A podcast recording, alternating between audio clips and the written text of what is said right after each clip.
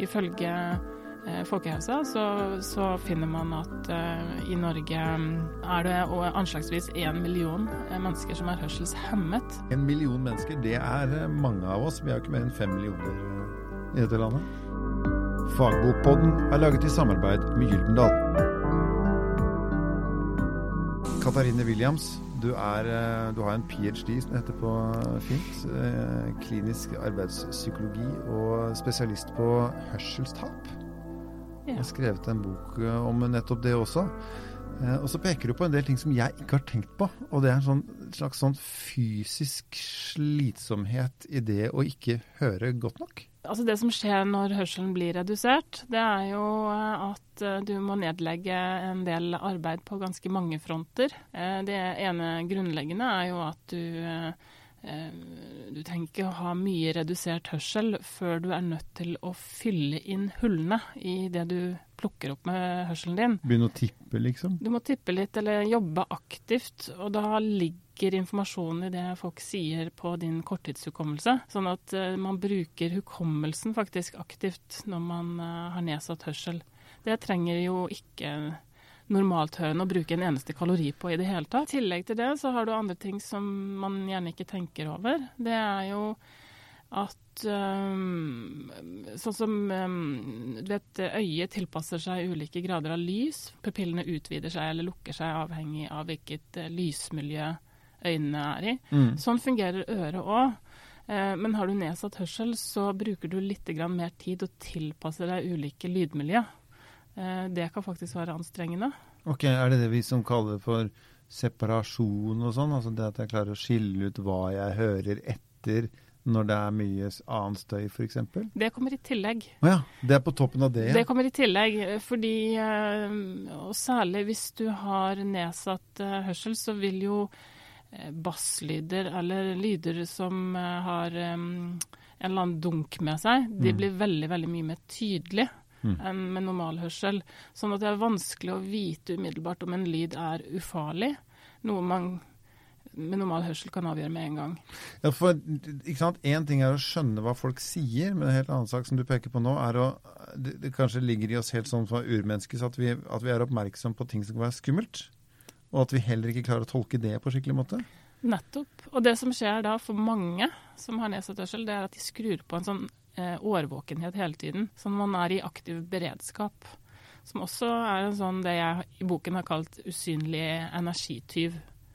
Så det er uh, flere ting som kan gjøre hørselstap til en sånn, eh, hva skal jeg si, maraton Kontinuerlig maratongåing. Eh, Særlig hvis man Eh, er i jobbsituasjoner, f.eks. Det, og det er jo noe av det som jeg har jobbet mye med, og det er kanskje noe av grunnen til at jeg ville skrive denne boken nå. Fordi man assosierer hørselstap med aldring. Mm. Men antallet nordmenn i yrkesaktiv alder som har nedsatt hørsel, er ganske stor.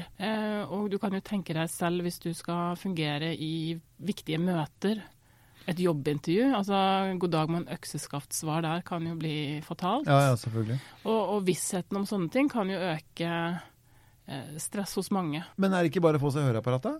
Bang, ferdig? Jo.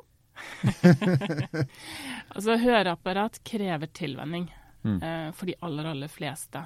Uh, og um, noen jo, har et hørselstap som gjør at høreapparat er, uh, sitter som et skudd og fungerer veldig bra fra første stund. Mm. Men for veldig mange så er det tilvenning, trening.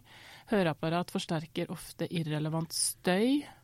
Uh, og kan være fysisk anstrengende å bruke, rett og slett. Så når vi kjefter på folk som har endelig fått seg høreapparat fordi de ikke bruker dem, så skal vi være litt forsiktige? det litt uh, det, kan være, det, kan i hvert fall være greit å vite at det er, uh, er en kraftanstrengelse å bruke høreapparat. Katarine Williams, hvorfor begynte du å interessere deg så mye for høring og ører? Jeg startet Altså når jeg var nyutdannet psykolog, så hadde jeg jobbet med, mye med døve og tegnspråk. Så det ja, for det kan jo du også? Jeg, ja. ja. ja.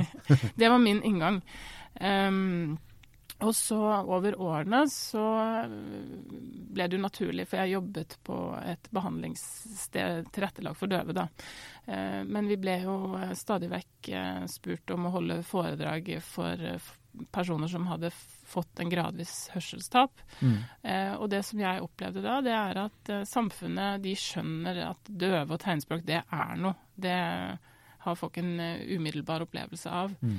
Mens ervervet eller oppstått hørselstap, det skjønner eh, omgivelsene fryktelig lite av, enda det kan være akkurat like krevende. Nå snakker du om det som på en måte plutselig skjer et menneske. Jeg mm. hører plutselig dårligere. Mm.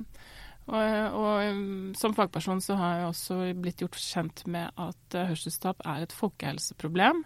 Ifølge Folkehelsa så, så, finner man at i Norge Eh, er det anslagsvis én million eh, mennesker som er hørselshemmet. En million mennesker, det er eh, mange av oss. Vi er jo ikke mer enn fem millioner i dette landet. Nei, altså hørselstap er et stort og usynlig folkehelseproblem. Det er uh, usynlig fordi uh, det er så lite kjent. Mm. Og det er på en måte et kjempestort paradoks her, fordi um, Men Syns vi det er flaut, eller? Er det liksom litt sånn teit å høre dårlig? Hæ, liksom? Det er knyttet et stigma til å høre dårlig i aller høyeste grad. Og uh, det viser jo faktisk forskning også, at uh, hvis man spør et antall mennesker, så vil man bekrefte at man tenker på tunghørte som kjedelige, uinteressante, gamle, ja, Vi har til og med et skjellsord som heter å være litt døv. Ja, dauhørt. Ja, ikke sant? Mm. Mm. Så, og det mm, Hvis du vil gå på nettet og søker eh, Hvis du tar søkeordet hørsel og humor, så vil du finne side opp og side ned med vitsetegninger som handler om folk som eh, ikke har eh, hørt riktig hva som ble sagt.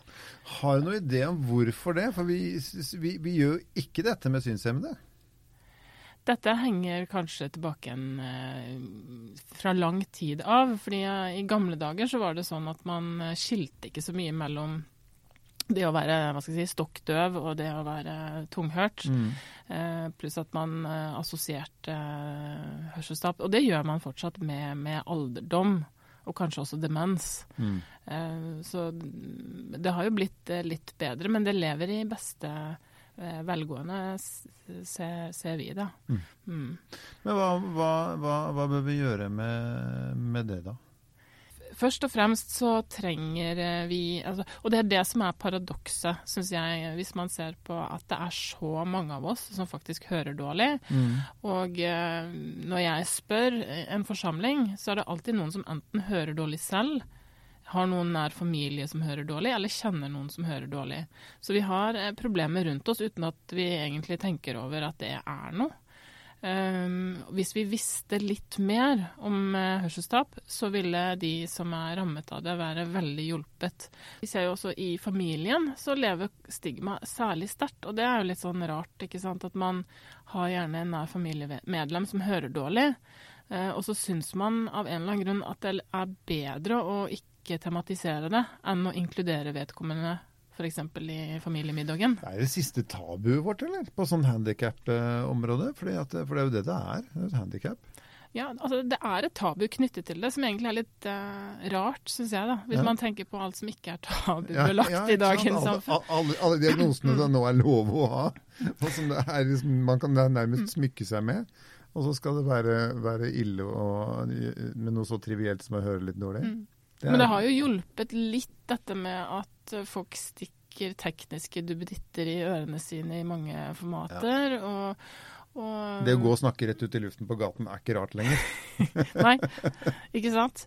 Så, så, ting går fremover. Og det, det, er en skyvning fra før at uh, folk oppga at de ikke ville bruke høreapparat fordi de tenkte at altså hadde en opplevelse av at de vil bli sett som, som treig og hørselshemmet og, og, få en sånn assosiasjon knyttet til seg. Mm. Mens nå ser det ut som at denne konsumgruppen er mer opptatt av at høreapparatene er teknisk eh, gode. Da. Ja. Så det, det ser ut som det går rette veien. Dette med konsekvenser av nedsatt hørsel, du beskriver ganske mye rundt det. Eh, og du beskriver også fysiske plager. Det kontinuerlige kompensasjonsarbeidet som man gjør i løpet av dagen, den fester seg i muskulaturen, rett og slett. Stress. Mm, og stress eh, fester seg også i muskulaturen. Det vet man de fleste, tror jeg. At man, hvis man er skikkelig stressa på jobben, så får man vondt i nakken eller hodepine ja. eller Mm. mm. Eh, og eh, stress har jo også en fys fysisk eh, effekt på systemet vårt, sånn at over tid så vil jo stress føre til alle tenkelige Mm. plager. Og, men nå har ikke jeg lyst til å komme med noe sånn skremselspropaganda, men det man ser er i hvert fall at får man ikke høreapparat, og, og får man ikke gjort noe med det, så kan konsekvensene, konsekvensene også for fysisk helse være ganske alvorlige. Så det å gjøre noe med det, få seg et høreapparat, eh, bryte på en måte den eh, Hva skal jeg si eh, Tabu eller barrieren eller hva det måtte være, og så i tillegg eh, ta den tiden man trenger for å venne seg til det, som du også sier at det, er, det kan være relativt heftig. Eh, du sier jo at det er Det er ikke som med briller. Det korrigerer på en måte Det korrigerer synet ditt, men dette her korrigerer ikke hørselen din. Den gir ikke en full korrigering av hørselen for de aller, aller fleste, så man må gjøre den tilleggsjobben. Og det er jo Hadde folk visst det, så tror jeg veldig mange hørselshemmede og høreapparatbrukere hadde vært veldig hjulpet. Jeg hadde jo en, en dame som kom eh, som fortalte meg det at hun eh, delte kontor med en kollega. Og denne kollegaen hun var veldig glad i å blafre med papirer. Altså hun drev med sånne permer. Ja.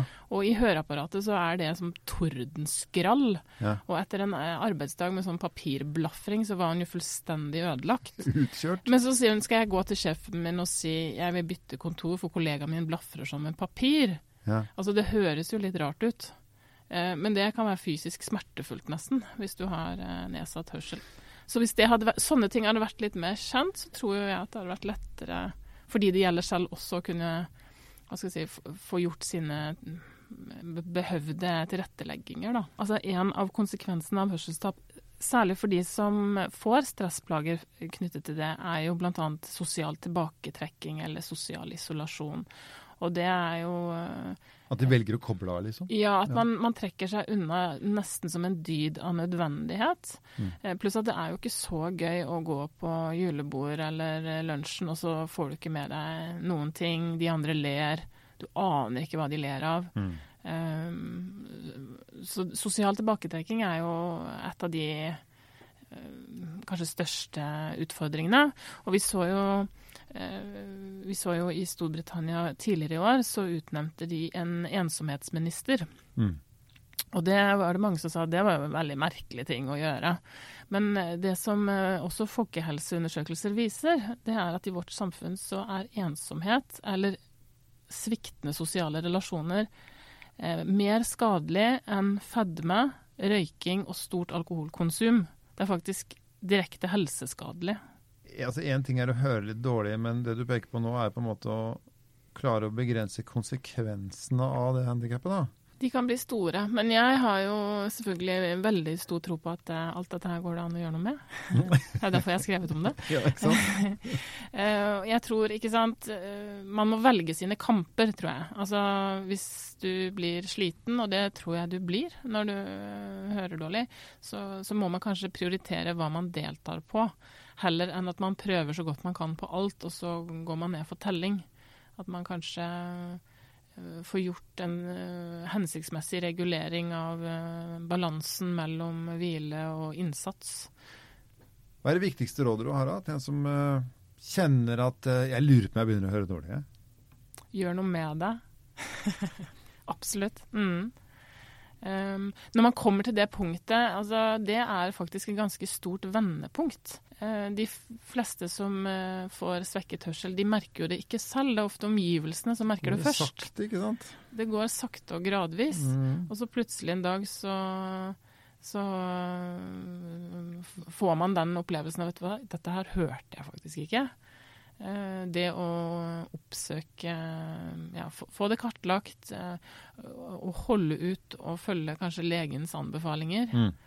Eh, Det er jo relativt enkle undersøkelser. dette her. Det er jo ikke noe ryggmargsprøve. Det er jo Nei. eh, smertefritt å Mm. teste hørselen sin. Og tipset til folk som har en i nærheten, da, som de syns liksom eh, nå begynner å Nå begynner det å gå tregt her, og det blir vanskelig å komme gjennom.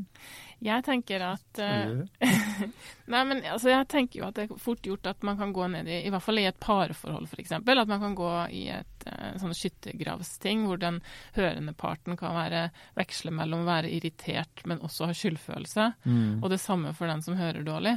Sånn at jeg tenker det å faktisk tematisere det, mm. det Jeg tror man kommer langt um, med det. Mm. Få det opp i dagen. Mm. Og da gjelder vel det samme for unger og gamlingen borti mm. kroken også. Mm. Mm. Unger er jo lettere, da. Hvorfor er de det? Nei, si det. Barna barn er jo karakteristisk autentisk. Altså det, det, har jo mange av de jeg har snakket med, hvor jeg har uh, foreslått for dem å snakke f.eks. med barnebarna om det, at bestemor hører det dårlig. Mm. Uh, det sitter veldig langt inne, for man er redd for at barnebarna skal synes det er kjedelig med bestemor, eller men er det noen som virkelig kan bli gode agenter i familien, så er det barna. Det er jeg vet ikke. Unger tar ting på strak arm. De gjør jo ofte det. Katarine Williams, eh, forfatter av boken 'Hørselstap'. Takk for at du kom. Tusen takk. Takk for at du lånte øre til Fagbokpodden, som er laget i samarbeid med Gyldendal.